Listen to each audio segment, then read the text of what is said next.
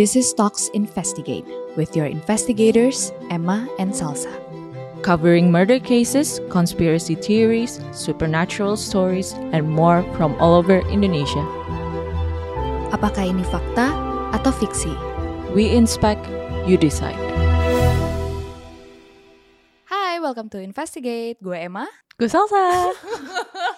Hari ini kita akan membahas satu topik yang sebenarnya udah menjadi request dari anak-anak Magna Talks. Dari lama banget Dari dari, lama kita banget. baru berapa episode kayaknya. Dari enggak kayak episode awal-awal deh. Iya, episode awal-awal banget Iya. sampai akhirnya kita baru bahas di episode 36 sampai akhirnya baru ya ampun. ya mikir ngomongin apa lagi oh Heeh. iya ngomongin ini yaitu adalah 911 calls tapi lebih tepatnya yang scary scary and disturbing karena Yes. banyak banget mungkin banget, banyak banget tunggu. dan kayak ada berbagai versi. yes dan eh di Indonesia tuh ada 911 gitu gak sih Ada, cuma bukan 112 ya. Eh, nggak tahu ngasal eh satu satu dua bener ya Satu satu dua kan aku pintar. Nah, kamu pernah gak sih nelfon satu satu dua? Kebetulan 911 saya bukan 112 sih jadi. Ini adalah orang-orang Oh, ya. iya. Iya sama Iya. sih bener-bener. Emang kamu pernah? Enggak kan? Enggak enggak pernah. Tapi kayak Kayaknya di Indonesia. Cuma kalau sekarang ya aku ngelihat eh, damkar pemadam kebakaran di Indonesia lumayan cukup membantu sih kayak ada kucing apa misalnya yang nggak bisa Iya, ini iya, atau iya. kayak bahkan terakhir gue ngeliat yang nggak penting banget sih sebenarnya iya kayak kan. cincin nyangkut di kelamin laki-laki Oh, iya. terus dibantuin Iya itu bener bener. nelfon damkar gitu Oh iya iya iya iya. yang iya. kayak gitu-gitu lah Nah tapi kan nggak maksudnya kayak itu belum lazim ya untuk ada kayak yang disturbing gitu kan Iya dan kayak kayaknya kita dari kecil nggak diedukasi untuk Mm-mm. itu. Aku kan sempat pas SD sempat pakai kurikulum Amerika kan. Mhm. Dan itu tuh ada kayak pelajarannya Mhm. ketika menyeberang kan harus pakai baju putih, nggak boleh pakai baju gelap apa segala Mhm, macam. Nah, mhm. salah satunya adalah to call 911 Mhm. kayak gitu for anything. Mhm. Mau itu uh, uh, request ambulans, polisi atau apa gitu Mhm. satu lagi. Nah hari ini kita akan ngebahas ada beberapa 911 calls yang kita temui yang seru banget ceritanya. Karena di Amerika itu tuh sering ya rekaman-rekamannya tuh dipublish. sering banget. Eh, apalagi although mereka pakai consent form ternyata yes kayak gitu kan untuk apakah ini boleh dipublish untuk kayak edukasi atau apa Mm-mm. apa pun segala macam. Nah, Jadi nggak asal kayak disebarluaskan kayak gitu ya. Exactly, kayak gitu. Jadi memang sebenarnya confidentiality-nya tuh sangat terjaga. Nah, hari ini kita akan ngebahas cerita-ceritanya, tapi sebelum itu kita akan ngebahas dulu apa sih itu 911? Seperti yang kebanyakan orang udah tahu, 911 itu adalah nomor telepon darurat bebas biaya yang dipakai untuk meminta bantuan segera dari layanan darurat baik itu polisi, pemadam kebakaran, dan layanan medis darurat pada kasus darurat yang mengancam jiwa dan kejahatan yang sedang berlangsung di Amerika ya. 911 tuh hanya untuk di US jadi Jadi di setiap negara tuh beda-beda code-nya gitu. Iya. Kayak di Indonesia 112, ntar di tempat lain pun beda gitu. Nah, nggak ada cerita horor yang bisa dibandingin dengan apa yang harus dihadapin sama dispatcher atau uh, operator 911 setiap harinya. Iya. Uh, makanya di episode kali ini kita tuh bakal ngebahas empat dari beberapa 911 calls yang menyeramkan yang dapat kalian temuin juga di internet. Dan hari ini kita akan discuss tentang latar belakang dari 911 calls tersebut yang benar-benar disturbing banget dan rekaman lengkapnya kalian bisa dengerin di postingan Instagram kita di You Know yang akan kita post Kamis next week. Oke, cerita yang pertama ini, oh tapi sebelum itu eh, trigger warning ya. Yes, ini trigger warning banget semua aku Trigger sampai warning. lupa. Eh, karena kita hari ini pas dengerin aja kita berdua drain. Iya banget, karena benar-benar kayak kad- ada aku dapat yang semenit nggak nyampe semenit, cuma yang kayak langsung Hah? Terus ada yang, aduh aku sebenarnya penasaran banget. Ada yang sampai callnya tuh sampai 40 menit. oh iya ada juga yang selama-selama kan? itu. Heeh. Tapi em, mental kita, mentalku Tidak sih tidak sanggup, tidak, Tidak kuat. sanggup Jadi kita nih. yang 5 menit, 2 Iya. menit aja. Nah, cerita yang pertama ini tuh trigger warning eh, domestic eh, violence ya, teman-teman. Jadi em, suatu hari ada seorang anak kecil bernama Lisa. Dia itu anak pertama dari tiga bersua- eh, bersaudara. Nah, dia tuh masih usianya eh, di bawah 10 tahun lah. Pokoknya nggak ditanya usianya berapa, dia telepon 911 karena orang tuanya lagi berantem hebat di rumah. Dan ini selama telepon ini tuh sedih banget ya sesedih itu. Jadi ceritanya gini, si operatornya angkat telepon, uh, was this sending emergency? Dia tanya gitu. Uh, terus Lisa ngejawab sambil nangis histeris. Hmm, aku sempat dengar nih ini tadi. Oh kamu sempat denger ya? Hmm. Uh, sambil nangis histeris terus dia bilang intinya mama papanya tuh lagi berantem. Ini sambil nangis histeris ya bayanginnya. ya. Mhm. Terus operatornya nanya, mama kamu dipukul nggak? Nah di tengah-tengah telepon tiba-tiba mamanya teriak, Iya. Lisa kayak gitu kan. Terus dia kayak eh, stop it, bilang kayak gitu kan. Terus Lisa kayak ngomong kayak mom I'm calling the police kayak gitu Hmm. kan. Telepon polisi, Lisa juga teriak-teriak. Terus eh, mamanya kayak bilang stop it. Pokoknya mereka sempat teriakan, teriak-teriak apa segala macam. Tiba-tiba Lisa teriak stop it, don't take the baby kayak gitu kan. Hmm. Terus eh, si operatornya nanya kayak what baby, what happened, apa yang terjadi. Pokoknya kayak dipancing untuk ngomong terus. Nah sepanjang telepon, Lisa itu tuh ada di kamarnya dia, sedangkan orang tuanya tuh ada di katanya di back room. Back room itu Mhm. mungkin kayak kitchen kali ya, Iya, kayak mungkin. kitchen ruang tamu, ruang makan kayak gitu. Nah ternyata selama telepon itu dia ceritalah, papahnya ini adalah ayah tirinya dia. Mamanya tuh nikah lagi sama papahnya setelah punya dua anak. Jadi Mhm.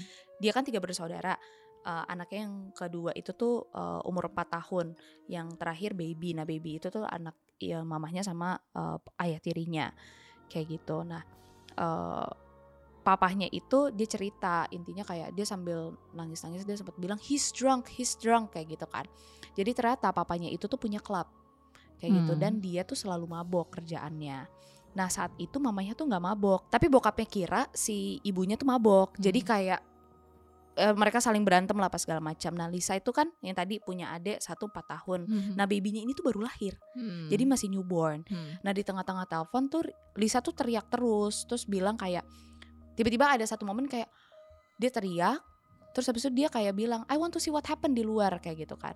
Dia sempat keluar Terus ternyata papahnya itu tuh ngedorong adiknya yang umur 4 tahun ke lantai. Terus kayak Oh, she pushed, he pushed her Apa segala macam.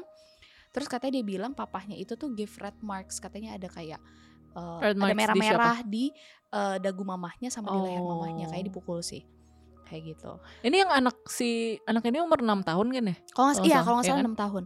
Nah Lisa ini mohon lah sama polisi kayak minta tolong cepet datang ke rumahnya karena dia takut papanya ngambil babynya. Mhm. Terus si operatornya sempat nanya kayak kenapa dia mau ambil babynya? Ini alasannya Lisa ini yang bikin aku merinding sama Hmm. merinding merindingnya. Dia bilang I don't want him to take the baby karena dia mabok Hmm. karena babynya ini baru lahir dia takut oh, he would do something to the baby dan dia mabok dia takut serem papahnya itu nggak sadar kalau itu adalah bayi.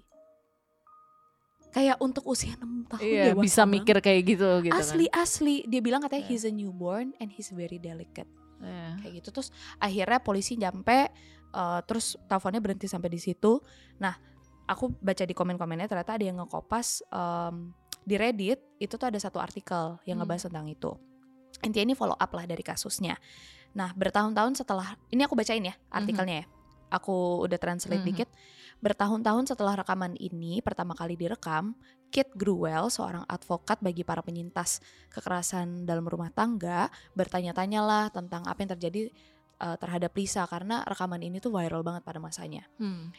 Dia akhirnya menemukan Lisa, tapi sayangnya Kit menemukan si Lisa ini dalam abusive relationship as well. Aduh, kasihan Sedih banget. Dan dengan bantuan bantuannya si Kit akhirnya si Lisa bisa keluar dari abusive relationship Hmm. itu.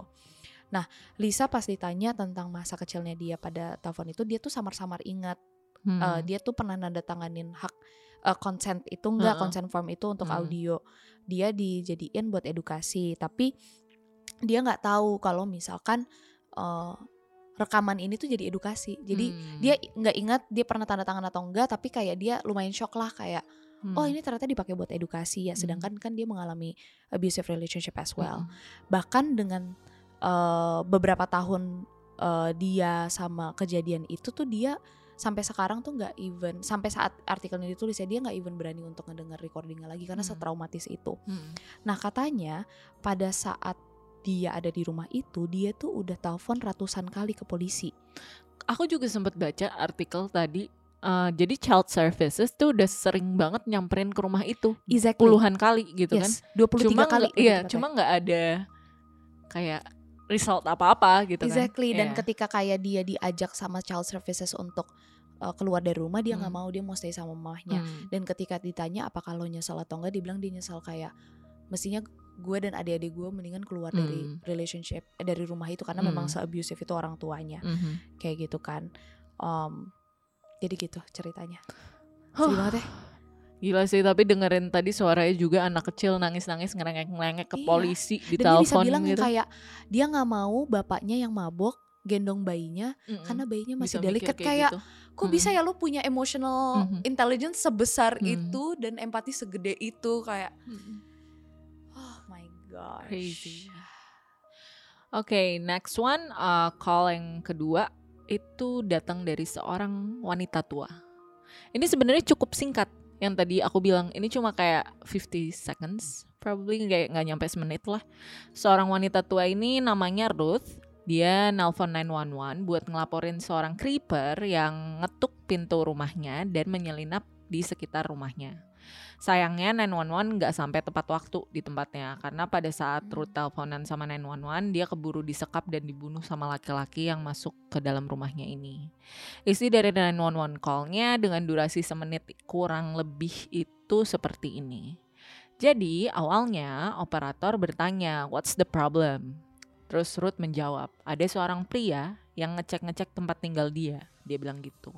Lalu operator bertanya, "Gimana bisa?" gitu kan. "How?" Terus Ruth bilang, dia nyeritain kronologisnya.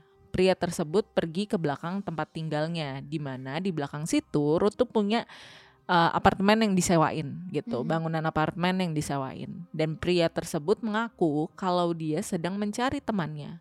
Tapi pria ini lalu datang ke tempat tinggal Ruth dan saat menjelaskan ini ke operator 911, tiba-tiba saja suara Ruth terbata-bata. Ruth berkata, pria itu bilang sedang mencari apartemen gitu. Ruth juga menjelaskan kalau dia tinggal sendirian dan dia sudah tua. Jadi dia minta tolong untuk segera disamperin ke rumahnya Oke. sama pihak yang berwajib gitu kan. Operator menjawab dengan menanyakan di mana pria itu sekarang. Namun Ruth bilang dia nggak tahu pasti nih sekarang si pria itu lagi ada di mana posisinya di area rumahnya gitu kan. Mhm. Selang sedetik setelah itu terdengar suara teriakan. Ini bener-bener teriakan kenceng banget Mhm.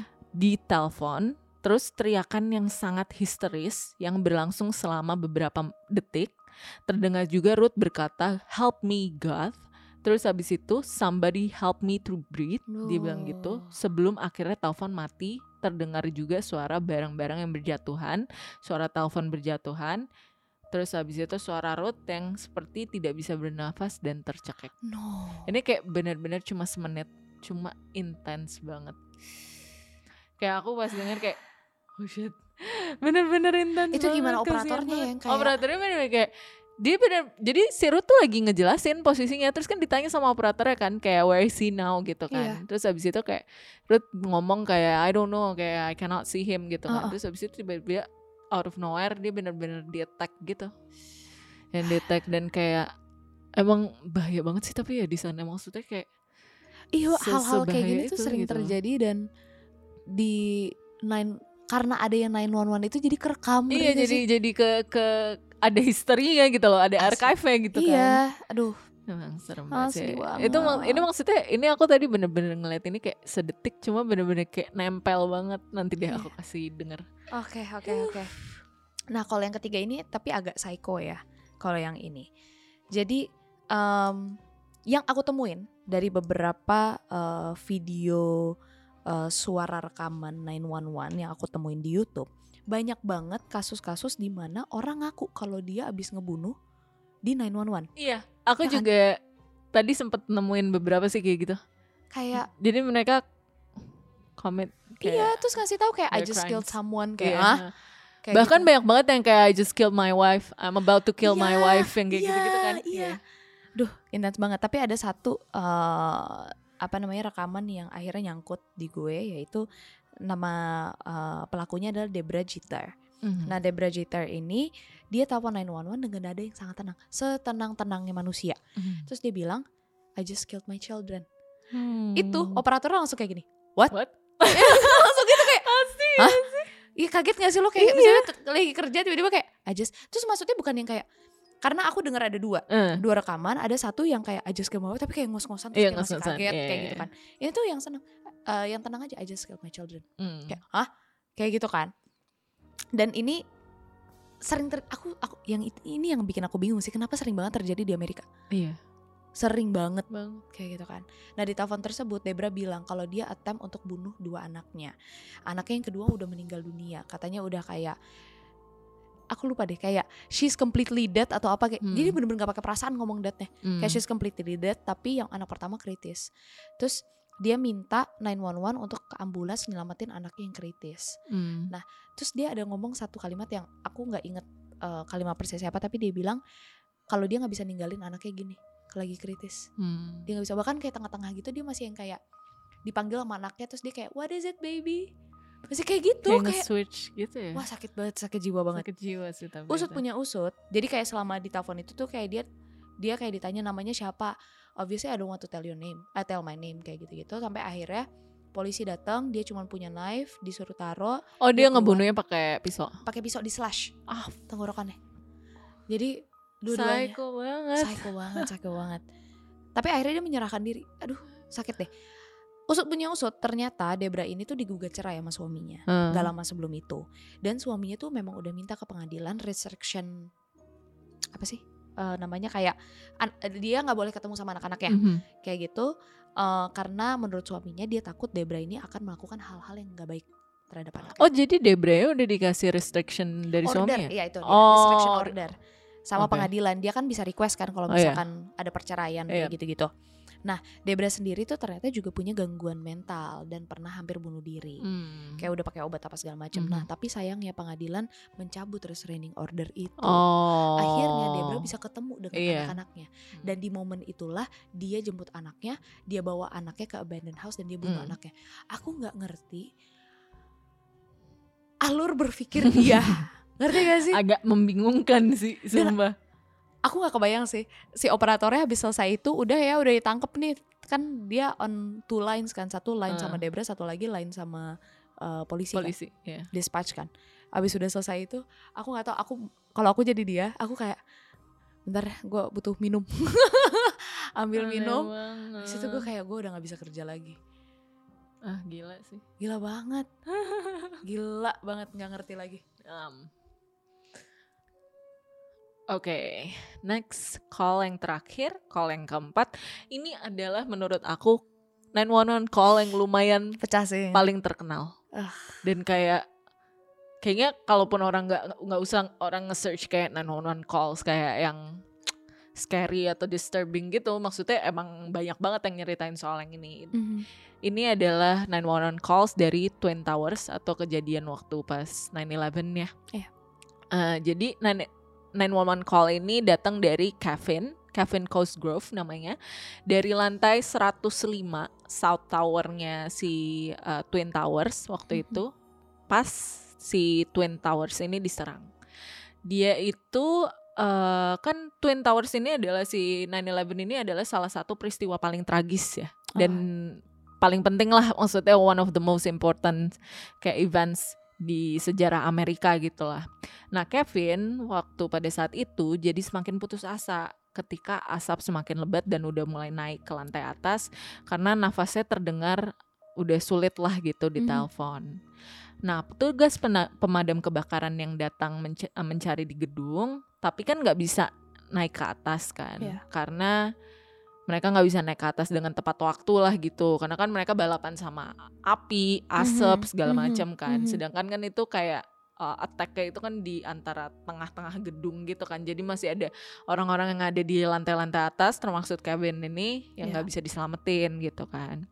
Nah sebelum menara runtuh Kevin dengan sedih berbicara de- tentang istrinya dan anak-anaknya di telepon yang masih kecil yang belum dia beritahu kalau sebenarnya dia tuh nggak berhasil keluar dari gedung.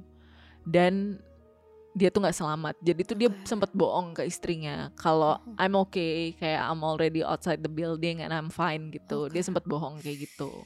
Padahal sebenarnya dia tuh masih ada di dalam gedung. Tapi ya ternyata takdirnya kan berkata lain Iya. gitu. Isi 911 callsnya kurang lebih seperti ini.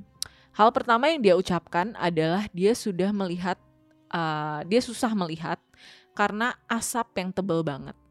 Dia menjelaskan kalau dia berdua dengan rekan kantornya dan mereka tidak siap untuk mati. Dia bilang Hmm. gitu. Terus habis itu kondisinya tapi kan semakin buruk ya. Mhm. Asapnya naik, api juga udah menjalar ke mana-mana. Terus habis itu kayak udah miring juga gedungnya. Nah, lal, eh, operator 911 meminta dia tetap ada di line teleponnya. Mm-mm. Lalu mereka tersambung dengan fire department yang udah ada di lokasi kan. Iya. Eh, pada saat itu fire department juga eh, berusaha buat nyamperin Kevin Mhm. dan rekannya yang ada di lokasi.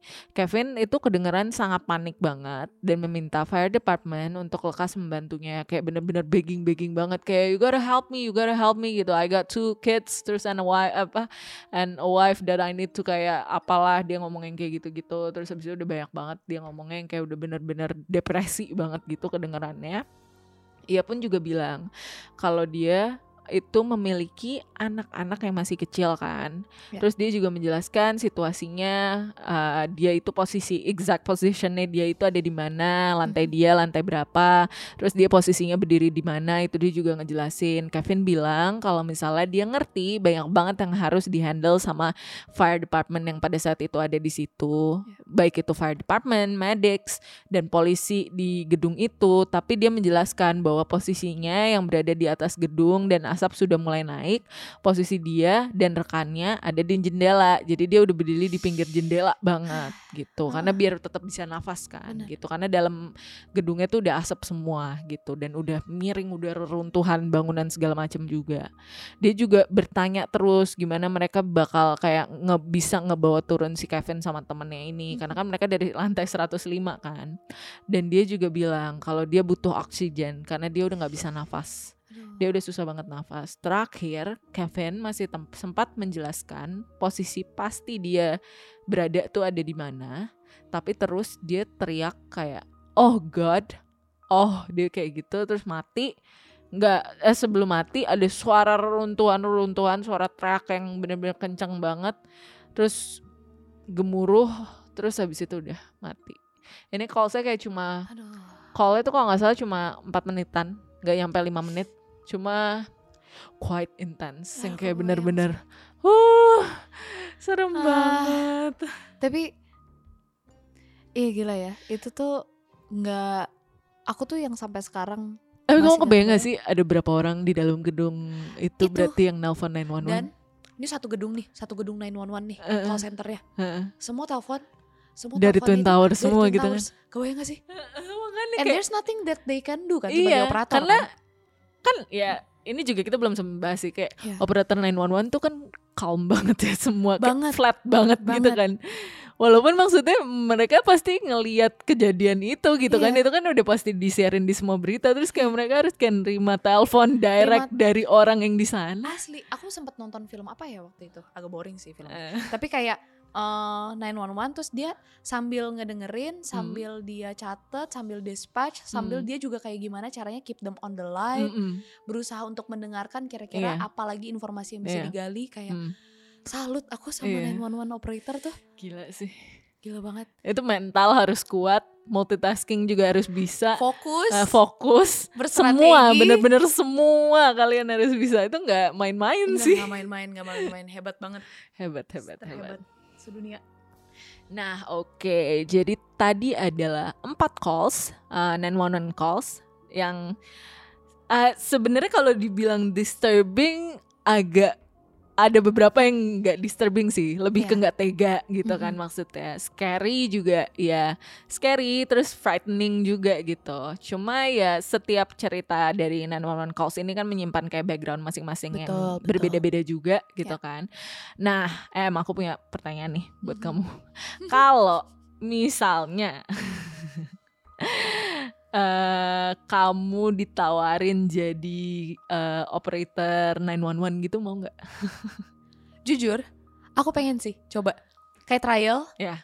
Tapi most likely Tapi mereka tuh ada sekolah khusus kan ya? ada ada Pasti ada kan? trainingnya. Ada Kayak trainingnya. Polisi gitu Iya, kan kayak ya? polisi. Heeh. training polisi mungkin aku akan lakuin tapi mungkin sampai di satu titik mungkin ada kasus yang intens banget Hmm. kemudian aku mental breakdown aku cabut Menyerah. aku balik ke makna talks Bye, Gus bye. Mohon Aku maaf, lagi. saya udah nyoba tapi saya nggak sanggup. iya kayak balik lagi eh, yes sorry banget yes gue balik lagi ya masih ada nggak posisinya kalau kamu gimana Kalau aku sebenarnya penasaran sih, mungkin kayak untuk nyoba aja Iya. trial gitu loh yang kayak Even untuk training aja pengen Iya, gak sih Iya, iya kayak nyoba aja gitu Iya. gimana sih sehari jadi kayak operator 911 Mm-mm. gitu. Nah, kalau kalian kira-kira kalau misalnya dapat tawaran jadi 911 operator bakal diambil atau enggak? Komen di Instagram kita and we'll see you next episode. Bye. bye bye